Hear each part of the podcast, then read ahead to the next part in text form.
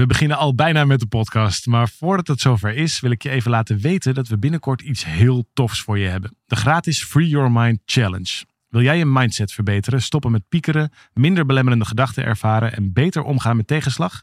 Schrijf je dan in voor deze challenge via www.365dagensuccesvol.nl slash challenge. Het is van 26 mei tot en met 29 mei en ik heb er heel veel zin in. We beginnen nu met de podcast.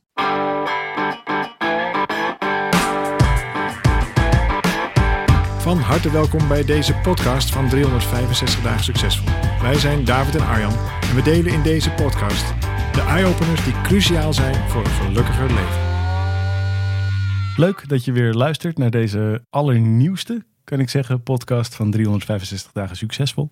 Naast me staat uh, David, zoals gewoonlijk. Ik ben Arjan en we gaan in deze podcast diepte in op hoe je nou steviger keuzes kunt maken in je leven zodat je misschien beter toegerust bent om elke droom in je leven dichterbij te halen. Veel mensen willen dat graag. Krijgen we ook uit onze vragen, reacties, eh, dingen die we op onze social media, in onze e-mail inbox, op allerlei plekken langs zien komen. Krijgen we vaak die vraag: hoe maak ik nou krachtige keuzes? Hoe zorg ik nou dat ik die volgende stap in mijn leven ook daadwerkelijk ga bereiken of ga maken, ga zetten? Help me daarmee. En leuk om daar deze podcast een beetje de diepte op in te gaan, dacht ik. Ja, mooi. Ik denk dat het een, uh, hele universele, misschien zelfs wel een hele menselijke kwaliteit is om keuzes te kunnen maken. Dat je, um, ik denk in tegenstelling tot uh, de meeste andere dieren, dat we een soort beeld kunnen hebben waar we naartoe zouden willen. En vanuit dat beeld onszelf daarop kunnen uitlijnen, als je me nog uh, kunt volgen. Ja, ik moet denken nu je dit, nu je dit vertelt aan um, uh, zoals je weet ben ik groot fan van Viktor Frankl. Dat is de, die Joodse psychiater die in de, in de oorlog, Tweede Wereldoorlog is opgepakt. In verschillende vernietigingskampen van de Duitsers heeft gezeten. En op basis van zijn ervaringen daar zijn eigen therapievorm, logotherapie, heeft uh, ontwikkeld. En dat gaat heel erg over het maken van keuzes. En wat hij zegt daar, hij, hij zegt er zit ruimte tussen je stimulus, of datgene wat er buiten je gebeurt, uh, wat je overkomt, en je respons, de manier waarop je daarmee omgaat.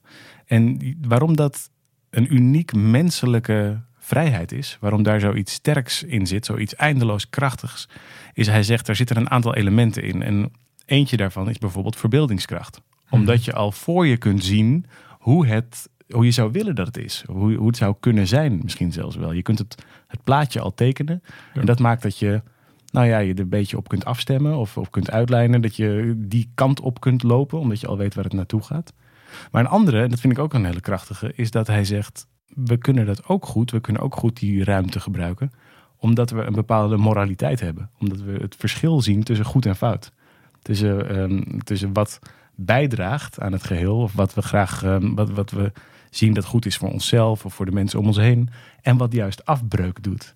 En volgens mij helpt het heel erg als je die ingrediënten soort van activeert in jezelf of zo. Dus als je weet, mhm. oké, ik wil graag ergens naartoe, maar ik vind het moeilijk om een keuze te maken. Wat kan ik dan doen? Nou, dan zet ik die verschillende elementen uit die, uit die ruimte, uit die vrijheid, zet ik aan. Bijvoorbeeld, ik ga maximaal in mijn verbeeldingskracht investeren.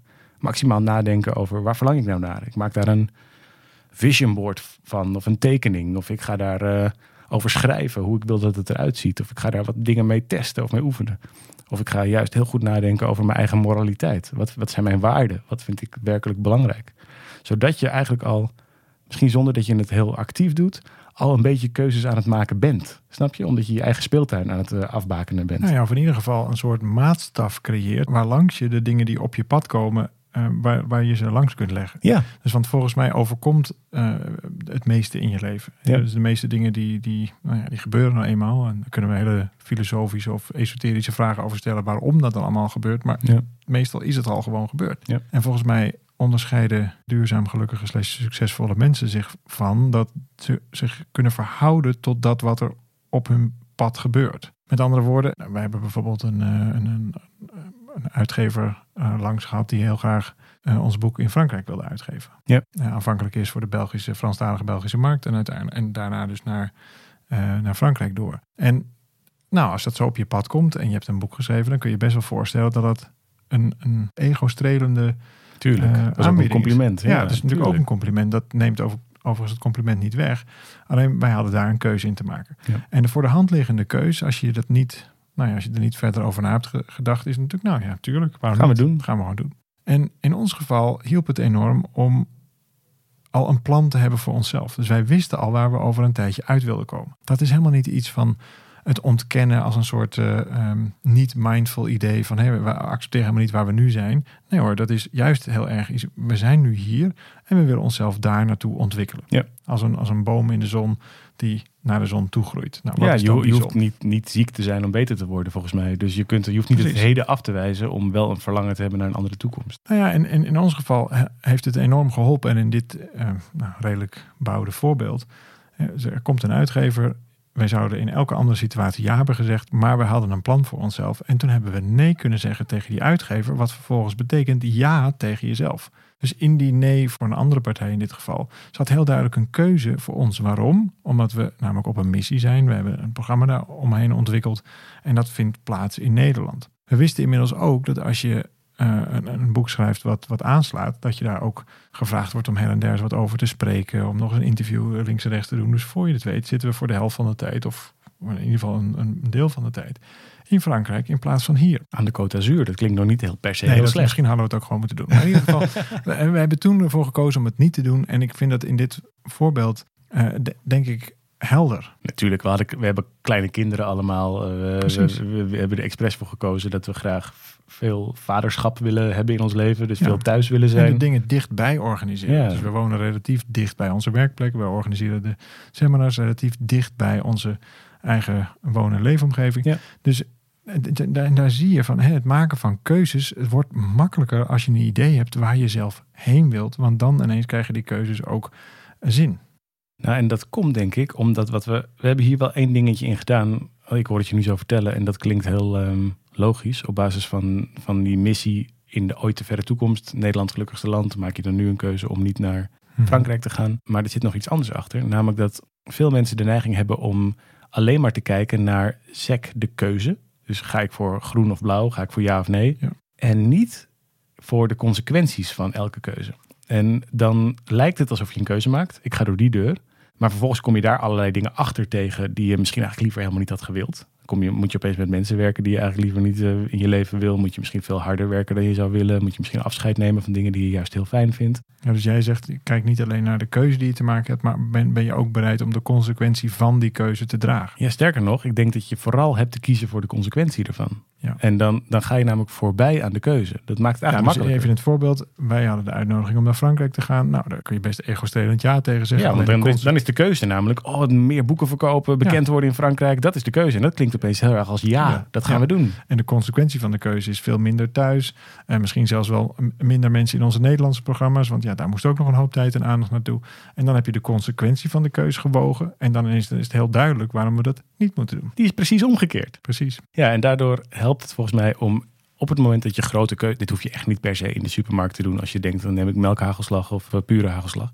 Maar op het moment dat je op wat meer levensvragen uitkomt, dan kan het juist heel waardevol zijn om niet alleen je blind te staren op die korte termijn eerste keuze, dat dilemma wat zich dan opdringt aan je, maar juist te kijken naar hey, wat zijn de gevolgen van pad A in mijn leven en wat zijn de gevolgen van pad B in mijn leven. En dat gewoon heel eerlijk te doen, heel niet mooier te maken, niet uh, soort van regenbogen eenhoorntjes erop los te laten en te doen alsof alles goed komt. Maar juist te kijken naar, oké, dit betekent dus automatisch ook dit, dit en dit.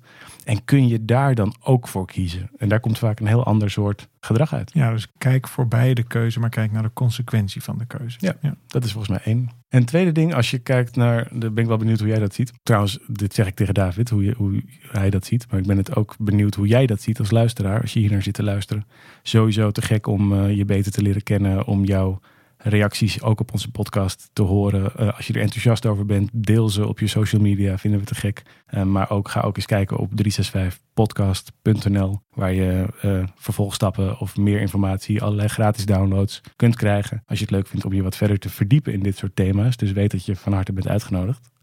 Maar een ding wat ik eigenlijk nu wilde vragen aan jou, David.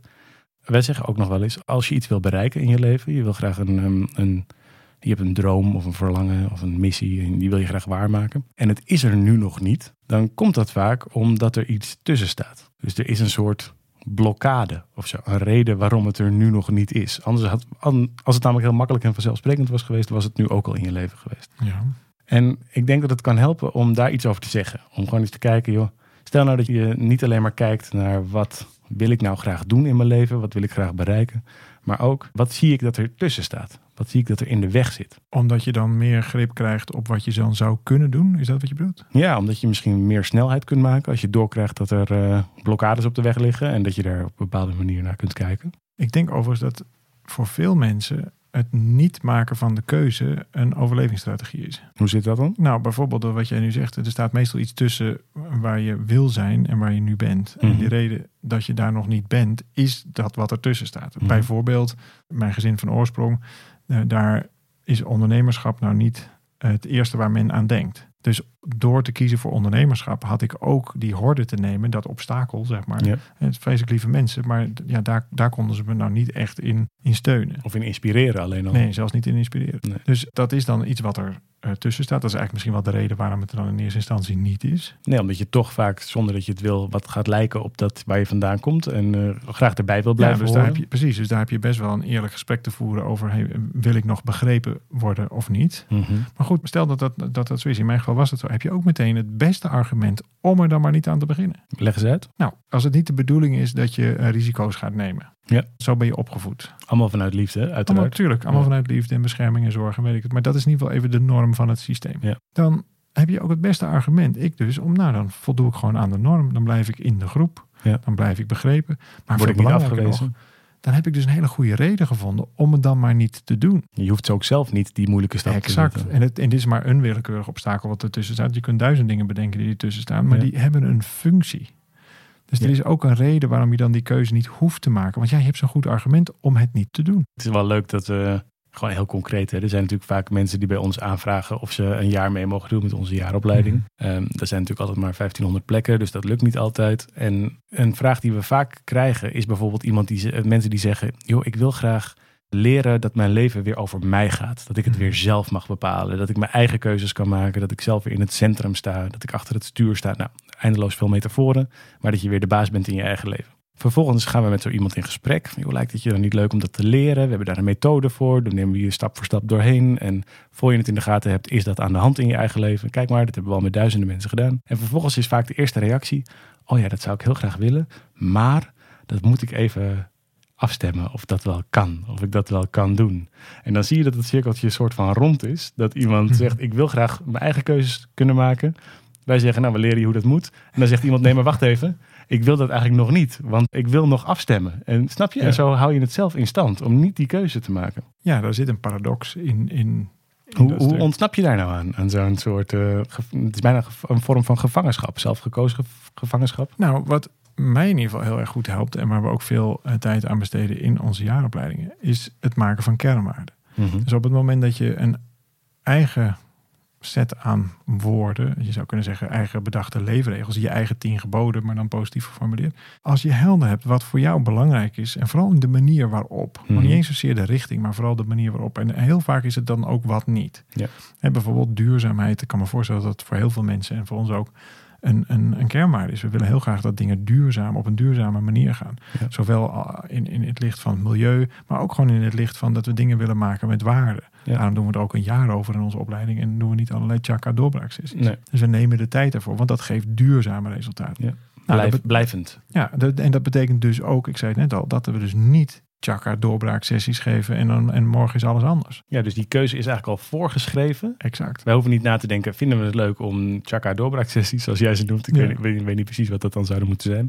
Maar dat, dat, hoe, hoe die er dan uitzien, willen we dat dan doen? En dan kunnen we dat, als we dat puur alleen als die keuze bekijken, nog best wel leuk vinden ook. Dat is best wel leuk een natuurlijk. keertje is dat best leuk. We kunnen ja. met van alles en nog wat daarop verzinnen. Er komen allerlei ideeën bij me boven. Maar de, jij zegt, nee, nee, nee, dat is niet zo belangrijk. Niet op dat, doe het nou niet op dat beginnersenthousiasme of eh, wat voor andere motieven dan ook. Maar check is, wat zijn je eigenlijk je onderliggende waarden? Past het eigenlijk wel goed bij. En op het moment dat je die helderheid hebt voor jezelf, om eigenlijk de vraag waar sta jij voor, is nog best een moeilijkere vraag dan, dan nu even zoiets roepen hoor. Ja. Daar wil je echt wel even wat tijd voor nemen om dat bij jezelf te, Tuurlijk. te onderzoeken. En dat verandert misschien ook nog wel eens een, een, een keertje een woordje naar links of naar rechts. Ja. Maar op een gegeven moment kom je achter een aantal dingen. Zo heb ik bijvoorbeeld bij mezelf ontdekt dat ondernemerschap voor mij zo'n kernwaarde is. Dat Mhm. ik, ik kan eigenlijk niet een restaurant binnenlopen of überhaupt een zaak binnen te lopen. Om niet ook even te kijken naar, hey, wat is dit voor een businessmodel? Of hoe werkt het hier eigenlijk? Of wordt er überhaupt geld verdiend? Of nou, ik heb een manier van kijken wat dat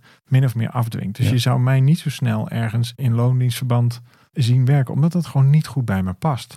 Nou, dat, dat ontdek je dan in de, in de loop der jaren. En op een gegeven moment weet je dat. Nou, dat scheelt heel erg veel in, het maken van keuzes. Want dan hoef ik al die banen die ik aangeboden krijg. Nou, het is ook niet zo dat ik dagelijks banen aangeboden krijg. Maar als mij allerlei banen aangeboden... een baan voor je als je wil. Ja, precies. Als, je, als mensen mij banen aanbieden, dan weet ik al bij voorbaat dat ik dat niet hoef te doen. Want dat past namelijk niet bij mij. Exact. Het is wel grappig, dat, we, dat realiseer ik me nu pas, dat we keuzes vooral maken door het uitsluiten van heel veel opties. Ja, heel vaak wat niet. Ja, en dat werkt eigenlijk heel uh, goed. Ja. Als je kijkt naar het kiezen van een heldere missie, sluit heel veel dingen buiten. Wij sluiten zo'n beetje 200 landen uit omdat we kiezen voor één land. Nederland, gelukkigste land. Ja. Dus heel veel niet.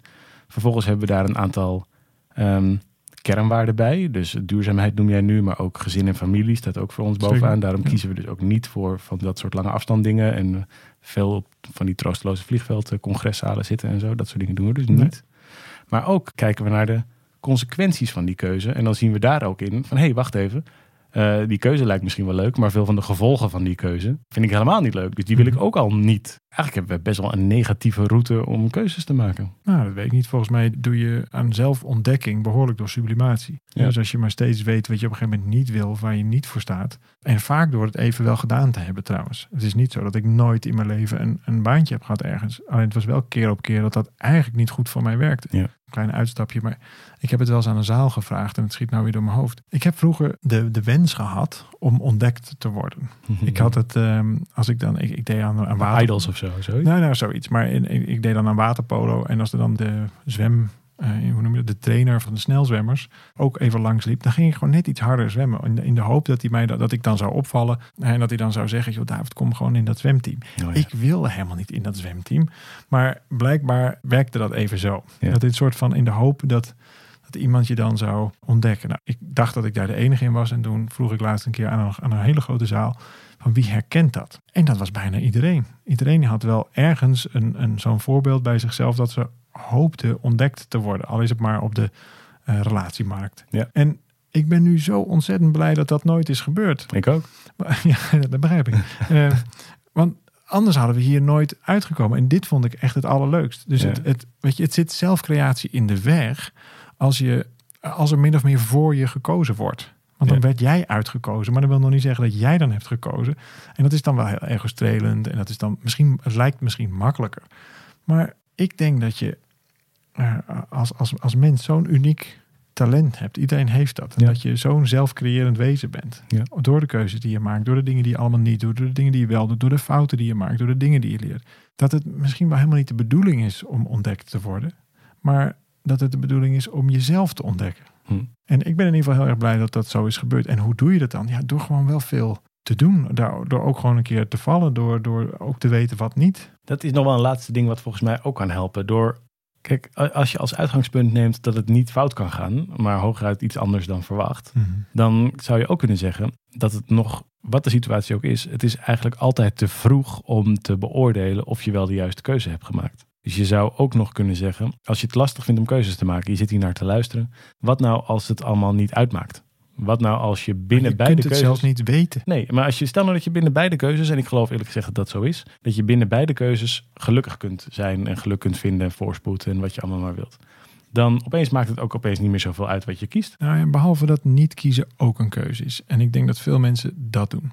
Dus dat obstakel waar jij het aan het begin over had, dat dat een argument wordt om niet te kiezen. Ja. En dat is dus eigenlijk ook een keuze. Als je dit luistert, als je de status quo bij jezelf herkent, weet dan dat je kiest door niet te kiezen. Of kiest voor het niet kiezen. En dan kies je dus eigenlijk voor die status quo. Dan kies je voor die stilstand. stilstand.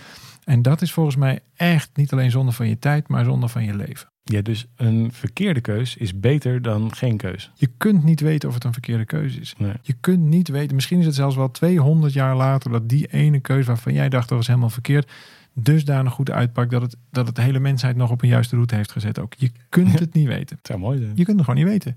En natuurlijk zijn er wel keuzes waar je eh, op een wat kortere termijn persoonlijk geluk bij ervaart. Of eigenlijk belangrijker nog, en want waar word je uh, over het algemeen erg gelukkig van? Van het gelukkig maken van andere mensen. Dus op het moment dat je in je daden, in de keuzes die je, die je maakt, ook durft te focussen op: hey, maak ik verschil voor iemand anders?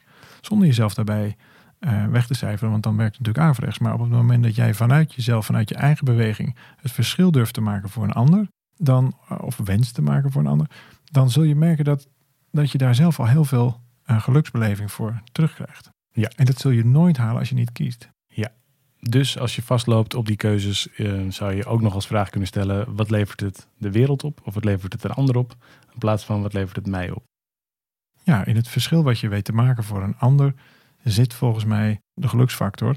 En op het moment dat dat nou maar genoeg mensen doen, dan worden we vanzelf allemaal reuze gelukkig. Hm. Mooi, te gek dat je erbij bent geweest bij dit eh, gesprek wat we hier hebben gevoerd samen met elkaar, David en ik, en uh, ook met jou. We vinden het heel fijn om ook jouw visie hierop te horen, jouw ideeën, jouw vragen natuurlijk. Die kun je altijd aan ons stellen en wij gaan er dan vervolgens weer mee aan de slag. Weet dat er meer te vinden is op 365podcast.nl. Dat we op dit onderwerp ook webinars organiseren. En uiteraard vinden we het leuk om je een keer te zien bij een 365 seminar. Een introductieseminar om eens met je verder te kletsen over alle dingen die je misschien wel voor je in het verschiet liggen. En waar je nu voor zou kunnen kiezen als je het zou durven. Omdat het gewoon leuk is en nou ja, hele nieuwe werelden voor je kunt openen. Voor nu bedankt. Tof dat je erbij was en uh, heel graag tot een volgende keer. Ja, heel graag tot de volgende.